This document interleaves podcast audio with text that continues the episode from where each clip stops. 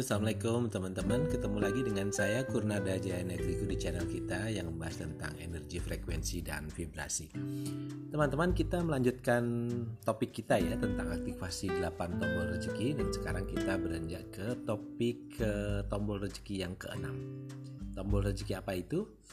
Sebelum kita masuk ke sana, kita akan bahas dulu bahwa eh, 5 tombol rezeki yang sebelumnya yang sudah kita bahas itu sebenarnya masuk dalam uh, rezeki yang menempel inherent dalam diri dan potensinya dalam kendali mentalitas Anda semua ya. Idealnya kalau secara mental kita punya roadmap yang benar tentang rezeki melalui tombol-tombol rezeki yang sudah kita bahas sebelumnya.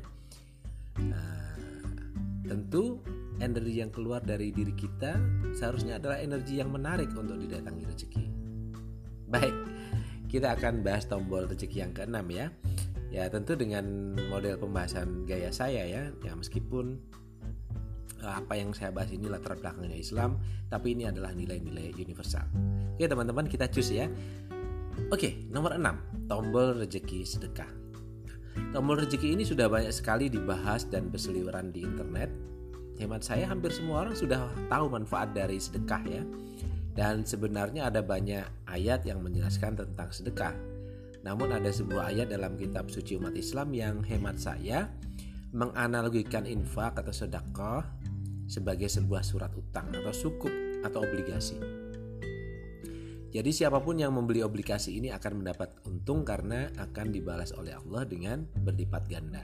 Sebagaimana tertulis dalam surah Al-Baqarah ayat 245 yang artinya Siapakah yang mau memberi pinjaman kepada Allah?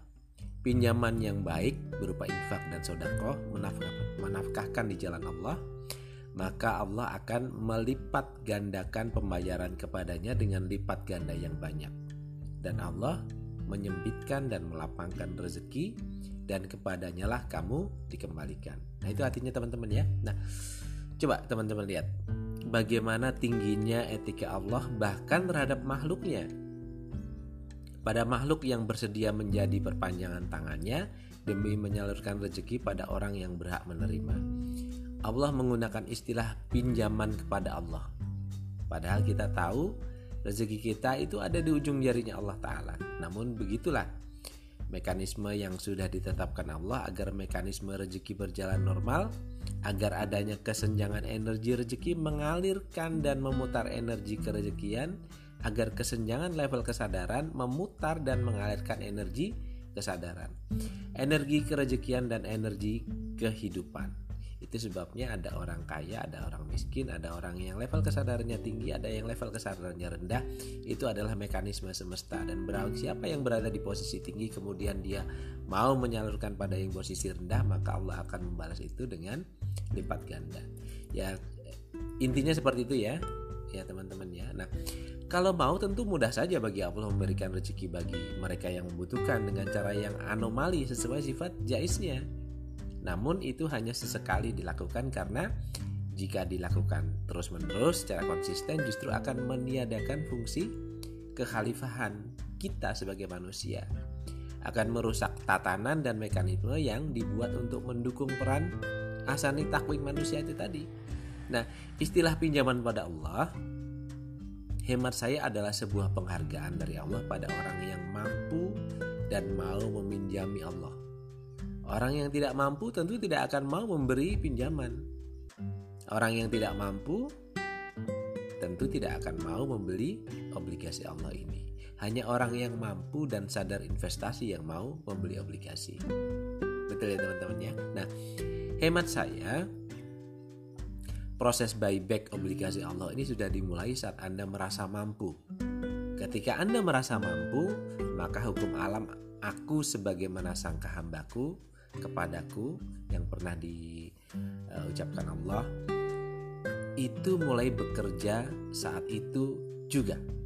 Jadi ketika mikrokosmos Anda merasa mampu, maka makrokosmos berkonspirasi memampukan Anda. Ketika Anda merasa mampu dan memberi pinjaman dengan ikhlas, maka otomatis Anda sudah mengaktifasi tombol rezeki nomor 6 ini. Nah, jadi sebenarnya konsep memberi dan berderma adalah konsep yang universal yang menjadi hukum alam. sehingga baik Anda mengeluarkan dengan tujuan untuk hitung-hitungan dengan Tuhan ataupun Anda plong dan ikhlas melakukannya karena Allah, dua-duanya tetap akan dibalas oleh Allah. Nah, bandingan derma orang-orang yang membelanjakan hartanya pada jalan Allah ialah sama seperti sebiji benih yang tumbuh menerbitkan tujuh tangkai. Tiap-tiap tangkai itu pula mengandungi seratus biji dan ingatlah Allah akan melipat gandakan pahala bagi sesiapa yang dikehendakinya. Dan Allah maha luas rahmat kurnianya. Lagi meliputi ilmu pengetahuannya. Surah Al-Baqarah ayat 561. Nah itu sebabnya teman-teman mengapa, mengapa banyak orang yang super kaya yang mengeluarkan banyak hartanya untuk kepentingan sesama justru malah tambah kaya. Lihat saja Warren Buffett yang pernah mendermakan 85% hartanya eh, malah jadi orang terkaya di dunia.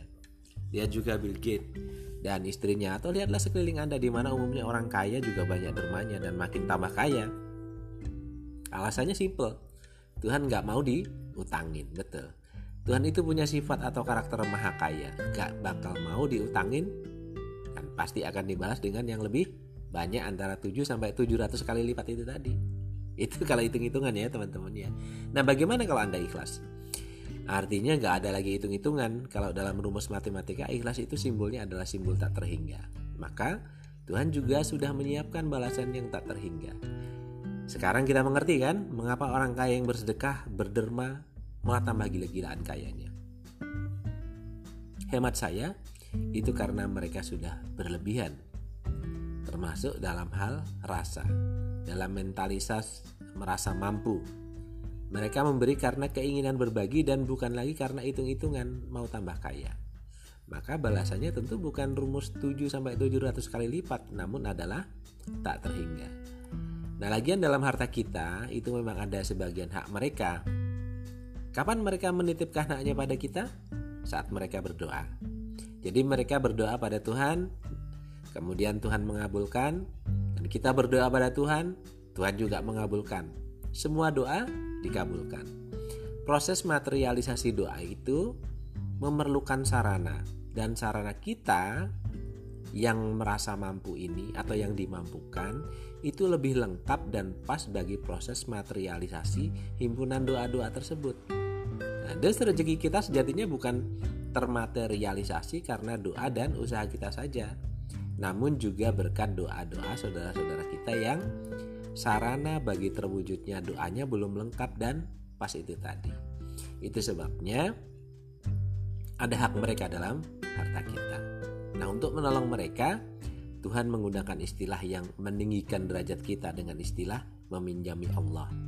Sebuah istilah yang membuat saya apa ya terharu gitu ya saat membacakan ini untuk teman-teman ya Allah kadang